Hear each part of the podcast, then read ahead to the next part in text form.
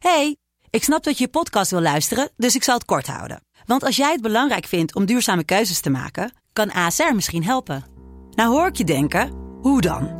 Nou, bijvoorbeeld bij het duurzaam herstellen van schade. Of de premies die we beleggen volgens ons duurzaam beleggingsbeleid. Dat bepaalt waar we wel en juist niet in investeren. Wil je meer weten over welke duurzame keuzes ASR maakt? Ga dan naar asr.nl slash duurzame keuzes. ASR doet het. Zo, dan kan je nu lekker naar je podcast luisteren.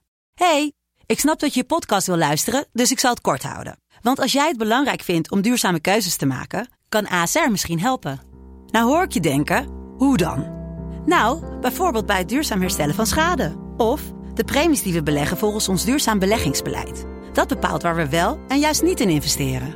Wil je meer weten over welke duurzame keuzes ASR maakt? Ga dan naar asr.nl slash duurzame keuzes. ASR doet het. Zo, dan kan je nu lekker naar je podcast luisteren. Dit is Mand, de kortste podcast van Nederland. Vandaag gaan we het weer hebben over de lockdown. Zitten er nog steeds in.